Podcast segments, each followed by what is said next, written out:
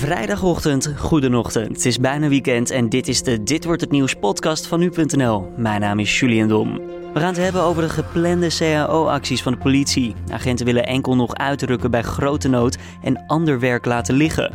Mogelijk gaat die actie niet door, want minister Vert Grapperhaus van Justitie en Veiligheid is naar de rechter gestapt. De veiligheid zou in het geding komen, zo stelt hij. Betekent dit extra druk voor de partijen om er toch samen uit te komen wat betreft de CAO? Uh, het is dus mogelijk dat daar op dat punt een doorbraak komt. Nog vandaag? Of? Het is uh, best mogelijk dat daar uh, vandaag nog een doorbraak komt. En we bellen met oud boer zoekt vrouw deelnemer Jan. Hij deed mee in 2015. Zondag begint het tiende seizoen. Maar hoe wordt dit programma gemaakt? Dat legt schapenboer Jan aan ons uit. Eerst het belangrijkste nieuws van nu. Paul Manafort, de voormalig campagneleider van de Amerikaanse president Donald Trump, heeft een overeenkomst gesloten met speciaal aanklager Robert Mueller, zo meldt de Amerikaanse nieuwszender ABC. Het is nog niet duidelijk wat de deal precies omvat, maar mogelijk verleent Manafort zijn medewerking aan verder onderzoek van Mueller. Hij heeft leiding over het onderzoek naar de Russische beïnvloeding van de Amerikaanse presidentsverkiezingen. In België is de Afrikaanse varkenspest vastgesteld bij twee everzwijnen. Het gaat om de eerste constatering in het land sinds 1985, zo schrijft de Belgische Voedsel- en Warenautoriteit, de FAVV. De ziekte is niet gevaarlijk voor de mens. Wel is de Afrikaanse varkenspest zeer besmettelijk voor varkens en everzwijnen. Het kan zich op verschillende wijzen verspreiden en er bestaat geen behandeling of vaccin voor. De ziekte is al enige jaren aanwezig in Oost-Europa en lijkt de laatste maanden meer voor te komen in West-Europa. In Nederland is de ziekte nog niet geconstateerd. In Amsterdam is een persoon zwaar gewond geraakt. De politie kreeg iets na half één s'nachts een melding binnen van een schietpartij in een woning aan de Vlietstraat, nabij het Olympisch Stadion. Toen agenten arriveerden op de locatie, werd een persoon zwaar gewond aangetroffen op straat. Het slachtoffer is naar het ziekenhuis overgebracht. Of er daadwerkelijk geschoten is, kan de politie nog niet bevestigen. De oververhitte woningmarkt in grote delen van Nederland maakt de taxateurs moeilijk om onafhankelijk te blijven opereren. Daarover schrijft Trouw.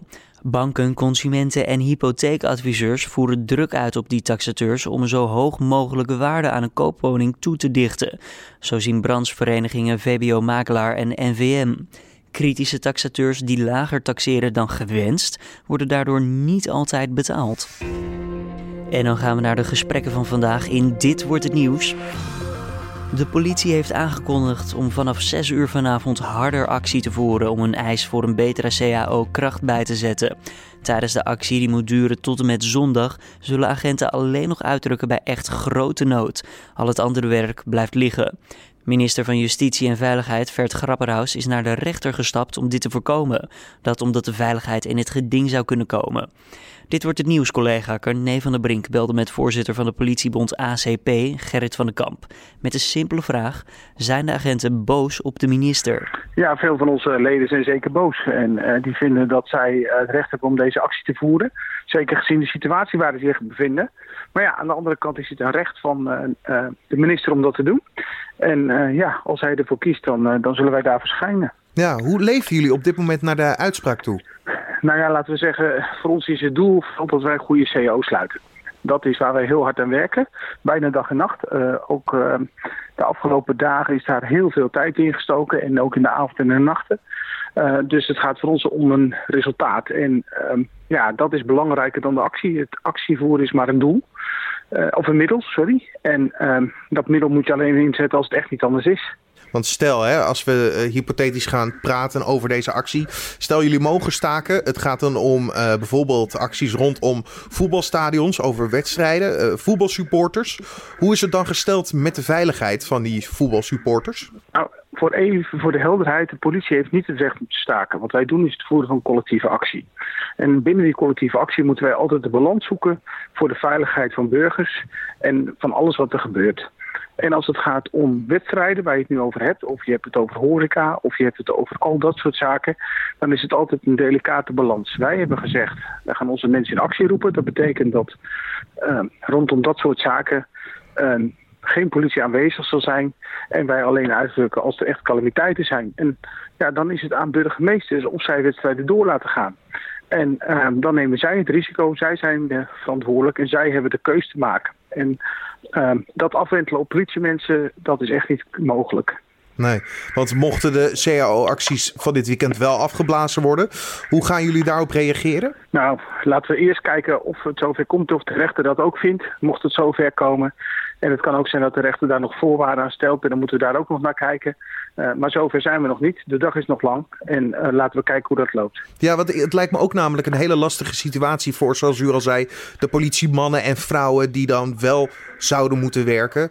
Dat is een zeer lastige situatie, want je wilt natuurlijk wel je werk zo goed mogelijk uitvoeren, denk ik. Dat klopt. Uh, politiemensen willen graag werken en ook hun werk goed uitvoeren.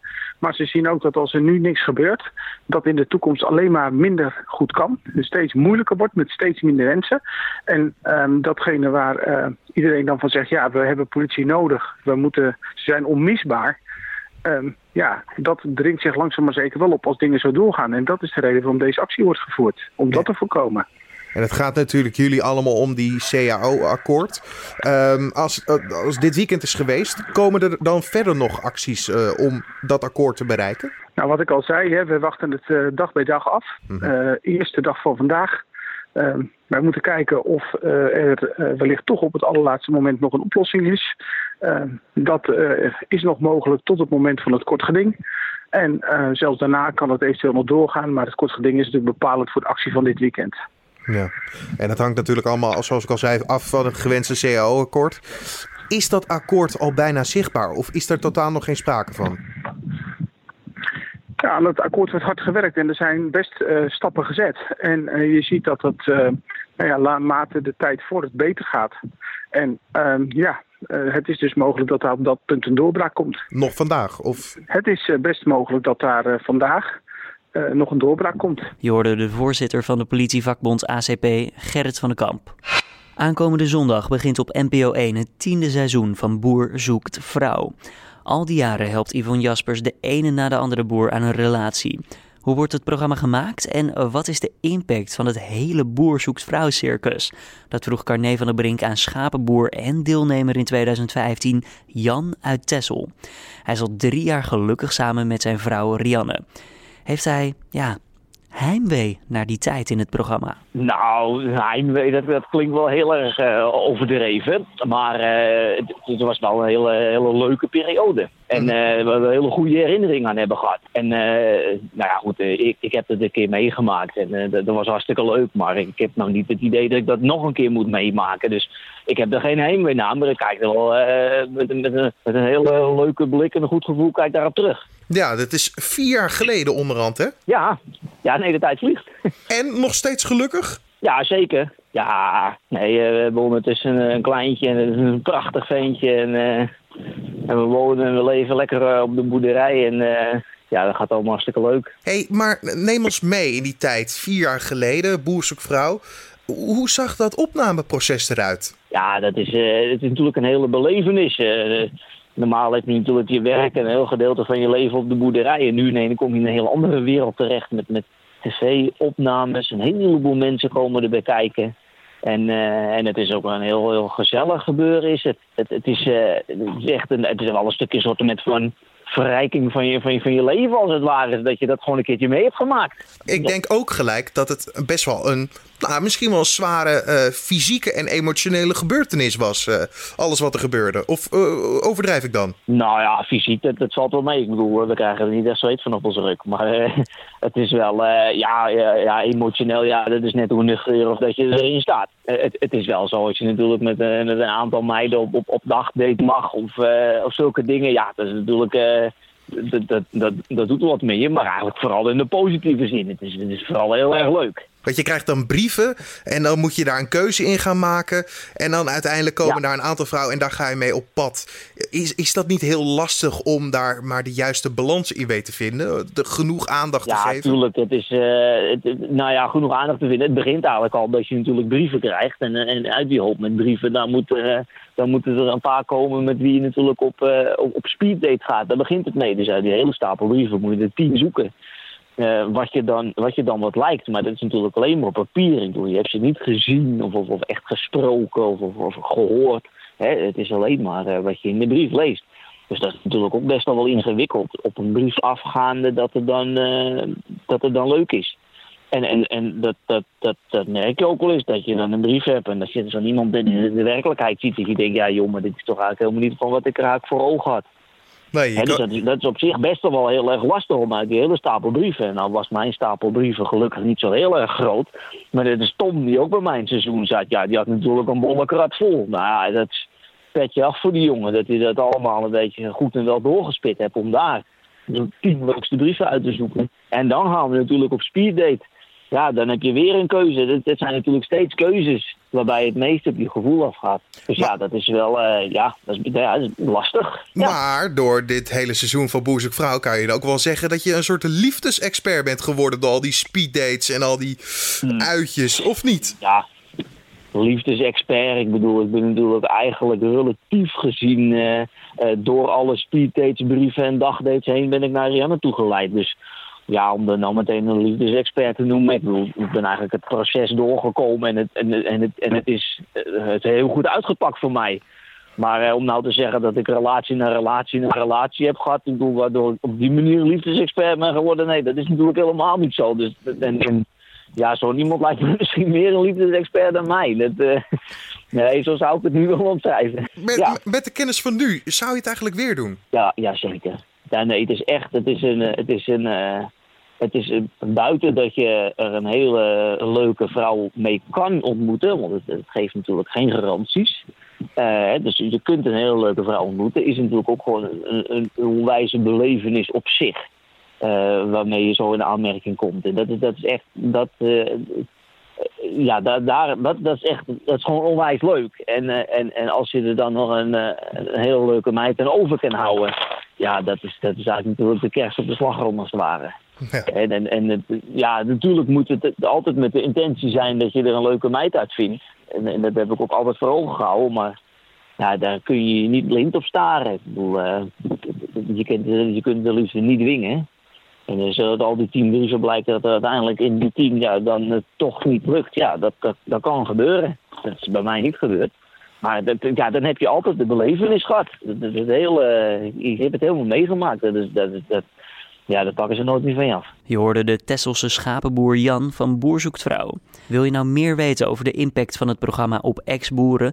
Lees dan zeker vanaf vanmiddag het Nu Weekendstuk over Boer Zoekt Vrouw. Zo lees je bijvoorbeeld de ervaringen van de wederhelft van Jan, Rianne. De 18-jarige Syriër die ervan wordt verdacht dat hij de burgemeester van de gemeente Laarbeek met de dood heeft bedreigd, krijgt zijn straf te horen.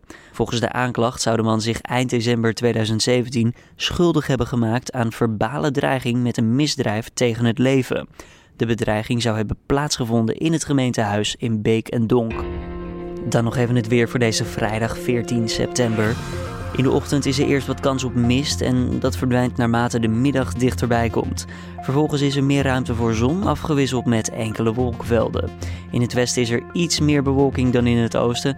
Later op de avond neemt de kans op buien in Nederland vervolgens toe.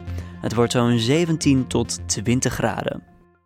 En op het randje van deze ochtend dan nog even nieuws over Breaking Bad acteur Aaron Paul. Hij krijgt namelijk een rol in het derde seizoen van de HBO-serie Westworld. Eerder won Paul al drie Emmys voor zijn werk in Breaking Bad als de bitch-roepende Jesse Pinkman. Het is nog niet bekendgemaakt welke rol Paul zal vertolken in Westworld. Deze serie is gebaseerd op de gelijknamige film uit 1973 en vertelt over een futuristisch themapark dat wordt bewoond door androids. Dat zijn ja, op mensen lijkende robots. Een datum voor het begin van het derde seizoen is er ook nog niet. Maar wil je meer weten, dan lees je dat uiteraard op nu.nl. This is my own private domicile and I will not be harassed. Bitch! Dit was dan de Dit Wordt Het Nieuws podcast van deze vrijdag 14 september. Elke maandag tot en met vrijdag zijn we er voor je om 6 uur ochtends op nu.nl. Wat vond je van de uitzending? Laat het ons altijd even weten. Vinden we leuk? Kan je doen via redactie.nu.nl of laat even een uh, ja, recensie achter in een van de podcast apps. Mijn naam is Julian Dom en voor nu een goede vrijdag, een goed weekend en tot maandag.